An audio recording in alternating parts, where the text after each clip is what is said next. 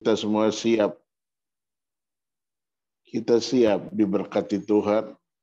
Sebab kehadiran Tuhan dalam hidup kita adalah memberkati kita.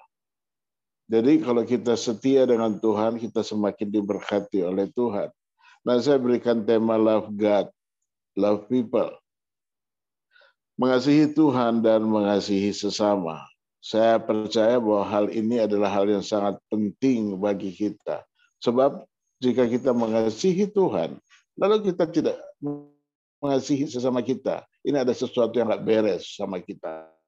Makanya saya renungkan berhari-hari dan saya berikan tema love God, love people. Saudaraku yang kekasih, suatu kali kita belajar melihat firman Tuhan dan kita tetap tahu bahwa Tuhan ada bersama-sama dengan kita. Di dalam Yohanes 1 Yohanes 3 ayat 18 kita belajar melihat kehidupan kita ini. Kalau saya ingin sadar, saya lihat bahwa satu kali Tuhan Yesus pernah bertanya kepada Petrus. Dia bertanya sampai tiga kali. Apakah engkau mengasihi aku? Dia bertanya, Yesus bertanya sampai tiga kali. Dan pertanyaan ini yang selalu menggebu-gebu dalam pikiran kita sebagai anak Tuhan, sebagai hamba Tuhan yang kita perlu beri respon. Jika pertanyaan yang sama Tuhan Yesus ajukan kepada kita, apakah saudara dan saya mengasihi Tuhan lebih dari semua yang ada di dunia ini? Jawaban apa yang kita berikan? Nah, saudaraku yang saya kasihi, kalau kita lihat dalam 1 Yohanes 3 ayat 18 dikatakan, anak-anakku, marilah kita mengasihi bukan dengan perkataan atau dengan lidah, tetapi dengan perbuatan dan dalam kebenaran. Saudaraku, kita belajar bersama-sama dan kita mau setiap kali kita dengar firman Tuhan, ada sesuatu yang baru terjadi dalam hidup kita. Dan kalau dikatakan, saya ulangi sekali lagi, Yohanes 1 ayat 3 18 dikatakan anak-anakku marilah kita mengasihi bukan dengan perkataan atau kalau bicara jujur bukan dengan perkataan saja atau dengan lidah tetapi dengan perbuatan dan dalam kebenaran. Artinya kita buktikan bahwa kita mengasihi itu tulus dari hati kita. Nah, jika kita tidak tulus dari hati kita berarti kita sedang bersandiwara Nah, saudara, mari kita memeriksa. Apakah kita sudah mengasihi Tuhan dengan perbuatan dalam kebenaran? Ini yang perlu kita buktikan. Kalau saya berikan poin poin satu, love is give atau mengasihi berarti memberi. Yohanes 3 ayat 16 berkata, Karena begitu besar kasih Allah akan dunia ini, sehingga ia telah mengaruniakan anaknya yang tunggal, supaya setiap orang yang percaya kepadanya tidak binasa, melainkan peroleh hidup yang kekal. Saya sudah pernah dan sering katakan bahwa kalau Tuhan hadir dalam hidup kita, Artinya kemenangan itu selalu menyertai kita. Di mana pun kita berada, ada Tuhan dan ada kemenangan terjadi di dalam hidup kita. Kalau saya memberikan satu kalimat dalam bahasa Inggrisnya berkata, you can give without love. Kamu tidak bisa memberi kalau saudara tidak mengasihi. But you cannot love without give. Kita tidak bisa mengasihi kalau kita tidak memberi. Saudara masih ingat itu? Kalau kita belajar dalam hidup kita, kita bisa memberikan kepada seseorang sesuatu karena kasihan kepada orang tersebut. Karena kita ingin mendapatkan sesuatu dari orang itu.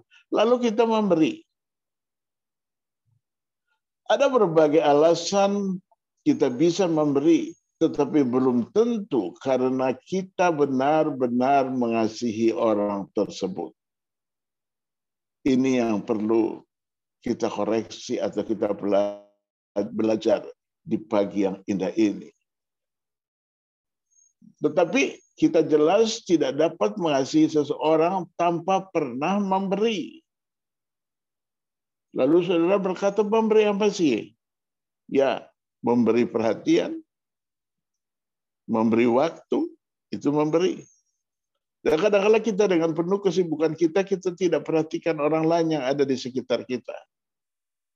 Ini ini tanpa kita sadar ini masalah sedang terjadi dalam hidup kita. Hal yang sama berlaku berlaku untuk Tuhan.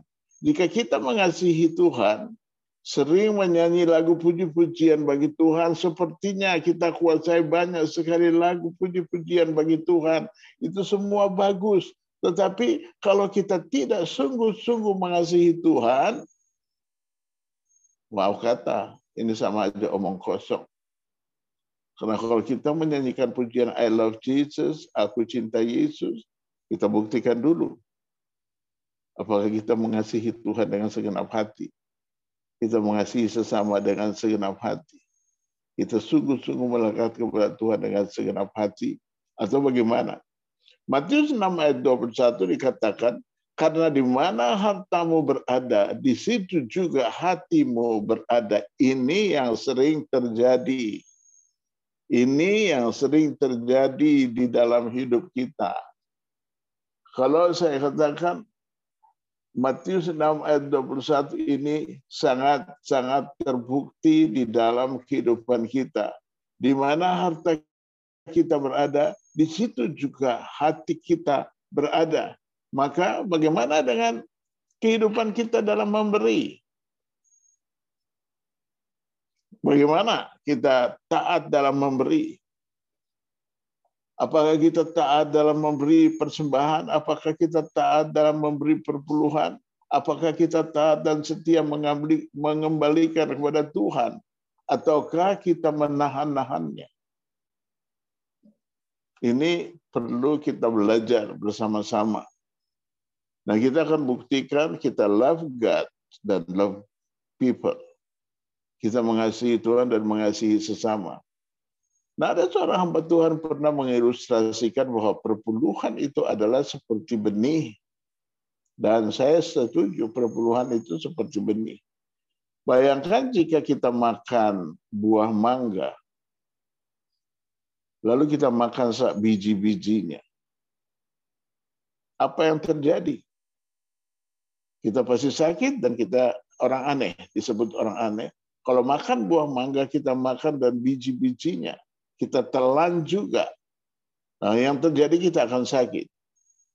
Coba bayangkan kalau kita makan mangga, buah mangga yang matang kita makan, lalu kita bijinya kita tanam di tanah, bahkan bijinya itu akan menghasilkan, menghasilkan pohon mangga dan berbuah lebat ini satu gambaran yang kita pelajari bersama-sama. Biji tidak kita makan, tetapi kita kembalikan ke tanah. Maka dari satu buah jeruk atau satu buah mangga, jika kita tabur bijinya ke tanah, kita tabur ke tanah yang subur, satu waktu biji itu akan menghasilkan pohon. Dan pohon itu akan menjadi pohon yang subur dan menghasilkan berkat atau buah untuk banyak orang. Nah, semua penghasilan kita jika kita makan habis sendirian, nah ini yang saya mau belajar bersama-sama untuk kita pelajari. Semua penghasilan kita, jika kita makan sendiri, maka habis begitu saja. Karena kita tidak akan kembalikan benihnya, kita habiskan sampai biji-bijinya. Maka akan habis begitu begitu saja. Saudaraku yang saya kasihi, kita akan selalu mengalami berkekurangan. Kalau kita makan sehabis-habis kalau berkat yang kita miliki, kita tidak ingat untuk mengembalikan kepada Tuhan, Maka seperti pohon mangga tadi, buah mangga tadi, kita makan sak biji-bijinya. Dan tidak ada hasilnya dari apa yang kita makan itu. Nah ini saudara kita renungkan bersama-sama.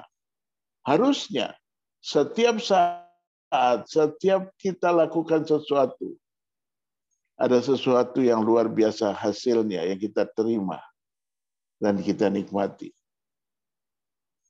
Kalau saya tulis sini love is give, Jangan katakan saudara mengasihi Tuhan dan berhenti dulu menyanyi aku cinta Tuhan Yesus selamanya jika saudara tidak bersedia memberi kepada Tuhan yang terbaik.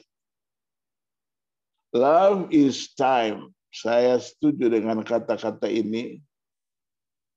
Mengasihi berarti memberi waktu. Love is time. Mazmur 119 ayat 164.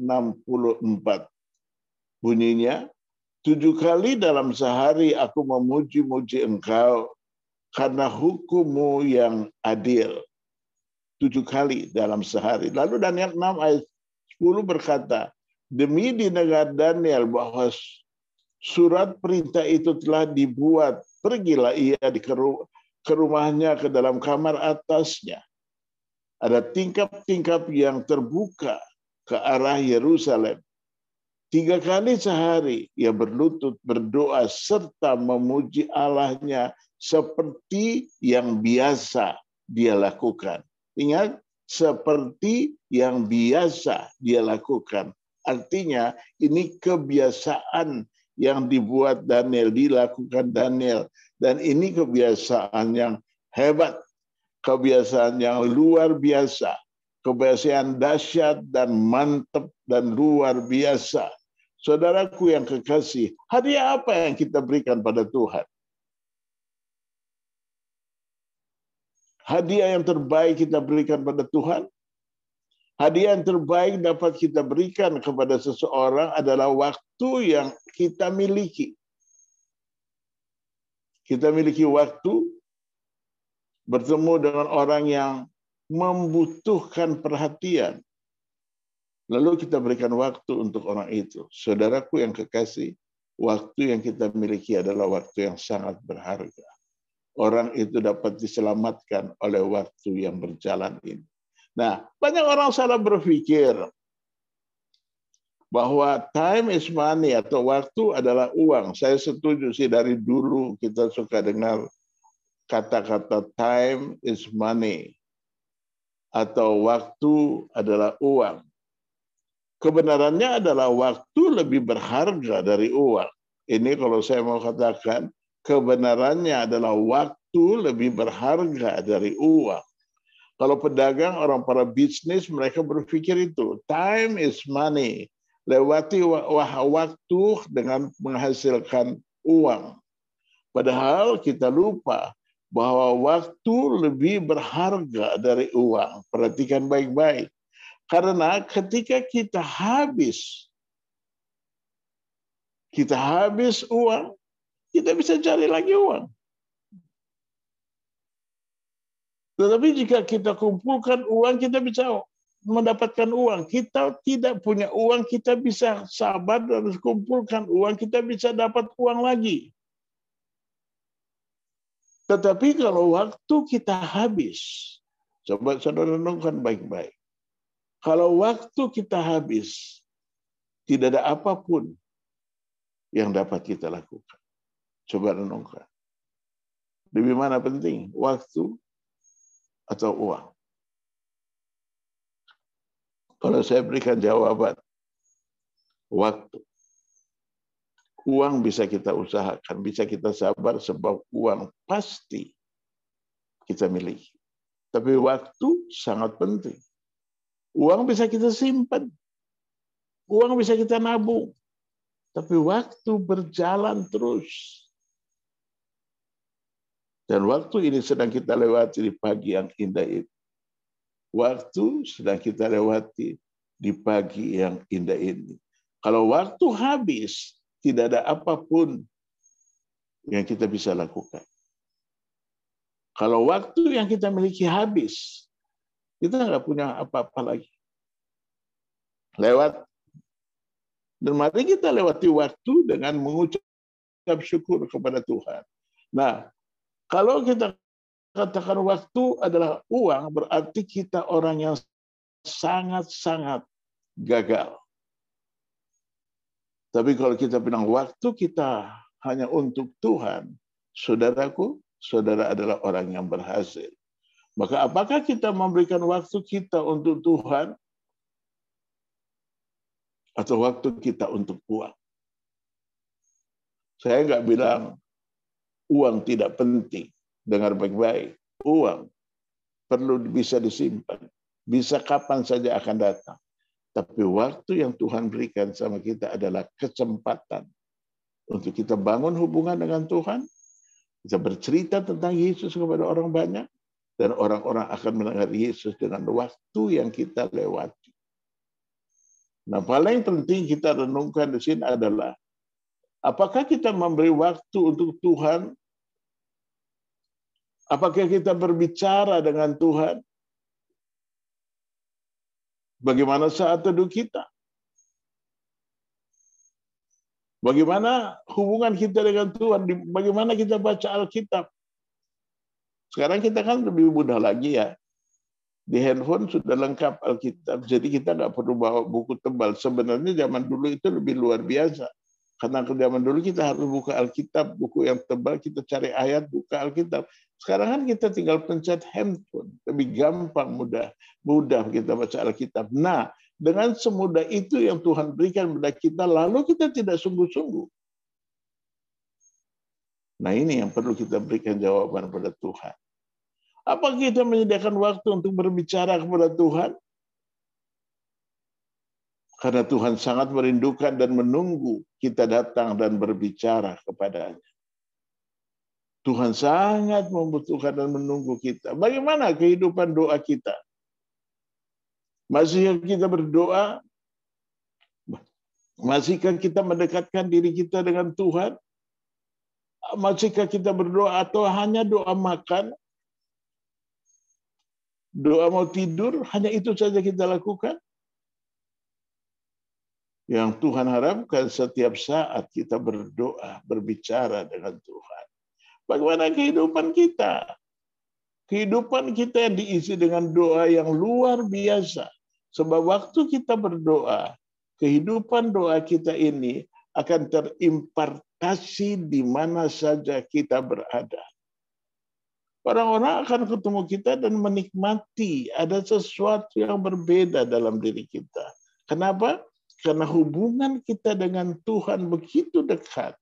Orang yang berbicara dengan Tuhan, dia merasakan ada Tuhan dalam hidup kita. Dan inilah yang diharapkan anak-anak Tuhan di akhir zaman ini supaya kita bisa berdiri dan katakan pada dunia bahwa Yesus adalah Tuhan. Nah, saudara, apakah kita orang yang senang berdoa? Dan kita berikan waktu kita untuk Tuhan. Sebab kalau kita berikan waktu kita untuk Tuhan, maka hidup kita adalah hidup yang berbahagia. Mari saudaraku yang kekasih, saya mau bertanya apakah saat teduh saudara berjalan dengan baik? Dan saudara tahu bahwa hubungan kasih yang baik dibangun dengan komunikasi yang baik saat komunikasi tidak berjalan dengan baik atau tidak bisa diberi uh, ada sesuatu yang baik atau miscommunication, setiap hubungan termasuk hubungan kasih kita dengan Tuhan dan ini akan terjadi dalam kehidupan kita. Hubungan kita, hubungan saudara dengan keluarga. Dan saya harapkan sekali kita hidup dengan waktu yang benar yang Tuhan berikan kepada kita. Nah pertanyaannya kepada kita, apakah kita memberi waktu untuk melayani Tuhan? Ini pun satu hal yang penting kita berikan jawaban. Ataukah kita masih dengan prinsip gereja Kalau saya katakan prinsip gereja, kita ke gereja seperti restoran. Iya, datang, makan, bayar, pulang. Itu restoran.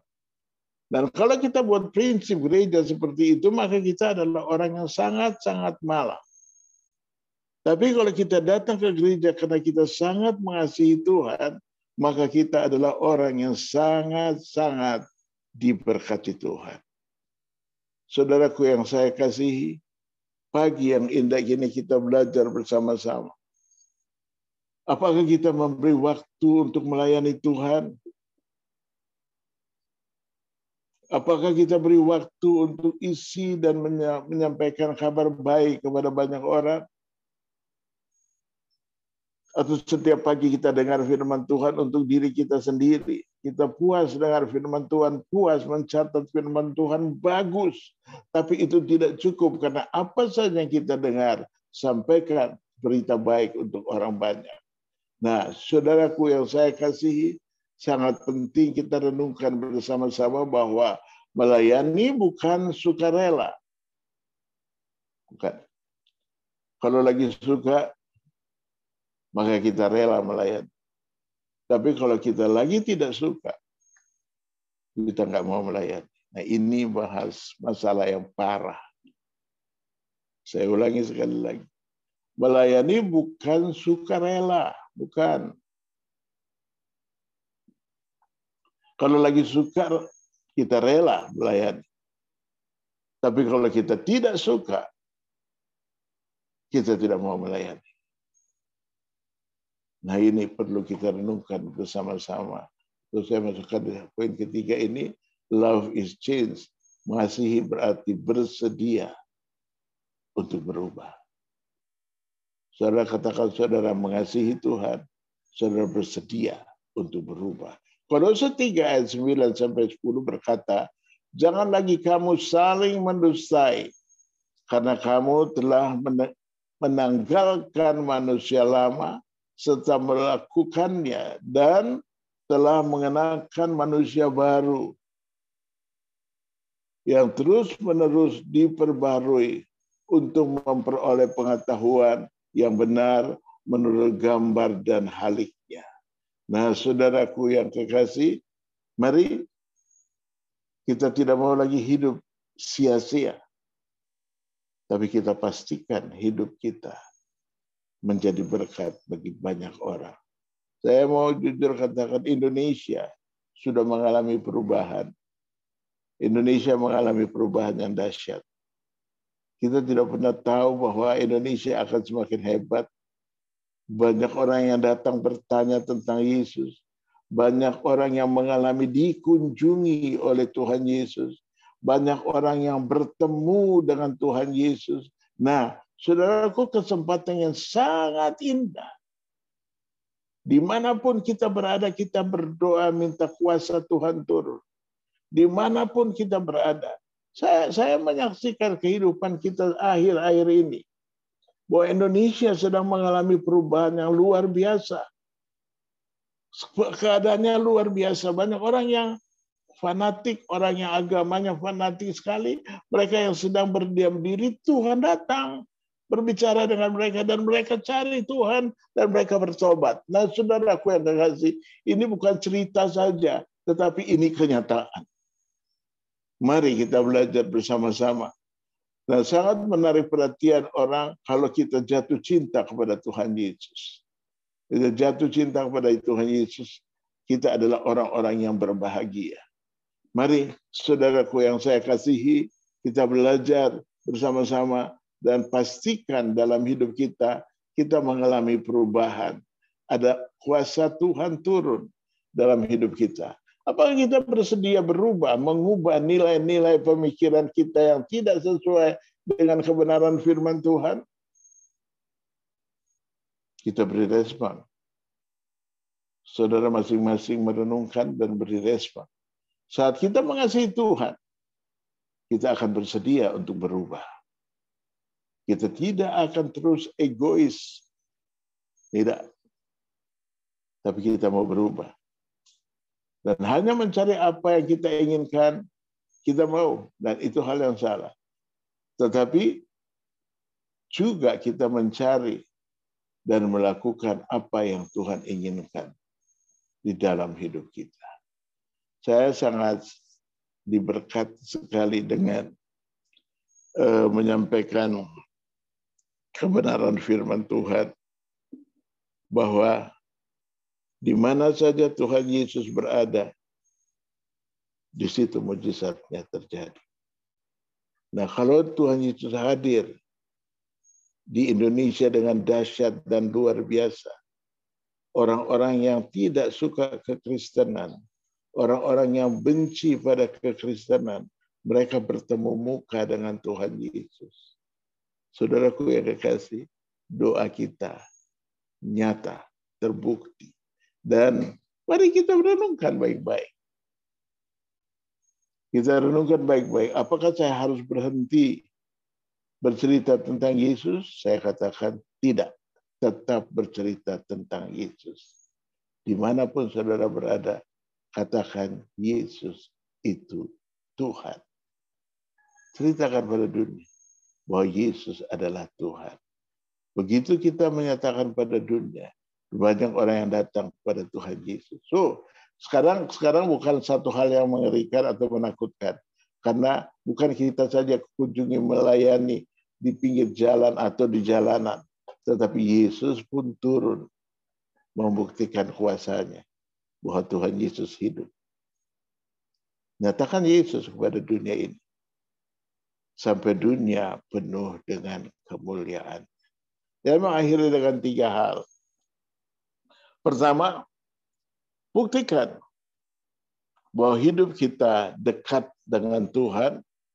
Buktikan bahwa waktu yang kita berikan dalam hidup kita ini sungguh menyenangkan hati Tuhan. Kalau waktu yang kita berikan pada dunia ini menyenangkan hati Tuhan, kita punya waktu untuk orang banyak, kita punya waktu untuk berdoa, kita punya waktu untuk membangun kehidupan yang sia-sia. Kita waktu kita membangun kehidupan yang biasa-biasa menjadi kehidupan yang luar biasa. Dan yang kedua, jangan pernah lihat ke belakang, lihat ke depan. Ada tangan Tuhan yang berkasa menolong kita, menuntun kita. Kita tidak pernah sendiri. Saudara dan saya tidak pernah sendiri. Begitu kita mengutamakan Yesus di atas segala-galanya, kita waktu kita kita berikan pada Tuhan Yesus, maka tanpa kita sadari kita berjalan dalam jalur kemenangan. Dan saya mau bacakan Markus 12 ayat 30 sampai 31 dikatakan kasihilah Tuhan Allahmu dengan segenap hati dan dengan segenap jiwamu dan dengan segenap akal budimu dan dengan segenap kekuatanmu dan hukum yang kedua ialah kasihilah sesamamu manusia seperti dirimu sendiri. Dengar, tidak ada hukum tidak ada hukum lain yang lebih utama daripada kedua hukum ini. Percaya? Kalau saudara keluar dan beritakan, berikan waktumu, maka waktu yang saudara miliki ada akan menjadi waktu yang luar biasa. Waktu kita, kita jalani dengan pertobatan demi pertobatan. Ada orang yang bertobat melalui waktu yang kita lewati. Saya mengucap syukur, saya percaya Tuhan sendiri yang melengkapi kita. Saya sangat terbatas, tapi kuasa Tuhan tidak terbatas melengkapi kita. Dan saya berdoa untuk saudara di pagi yang indah ini, saudara akan diberkati Tuhan. Kita satu di dalam doa. Terima kasih Tuhan Yesus. Hamba mengucap syukur untuk kami semua yang hadir Aku memberkati setiap anak-anakmu. Dan sucikan, kuduskan kami. Sehingga dalam hidup kami, kami jadi pelaku firman Tuhan. Dengan sungguh-sungguh kami menjadi pelaku firman Tuhan. Berkati, sucikan, kuduskan kami. Hari ini kami lewati dengan hal-hal yang luar biasa. Tuhan hadir dalam hidup kami. Hamba mengucap syukur, mengucap syukur. Dan hamba alaskan doa ini. Dalam nama Yesus, hamba berdoa.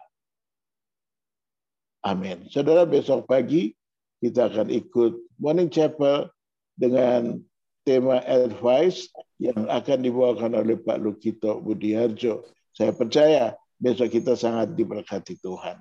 Tuhan Yesus memberkati. Amin. Terima kasih. Ya.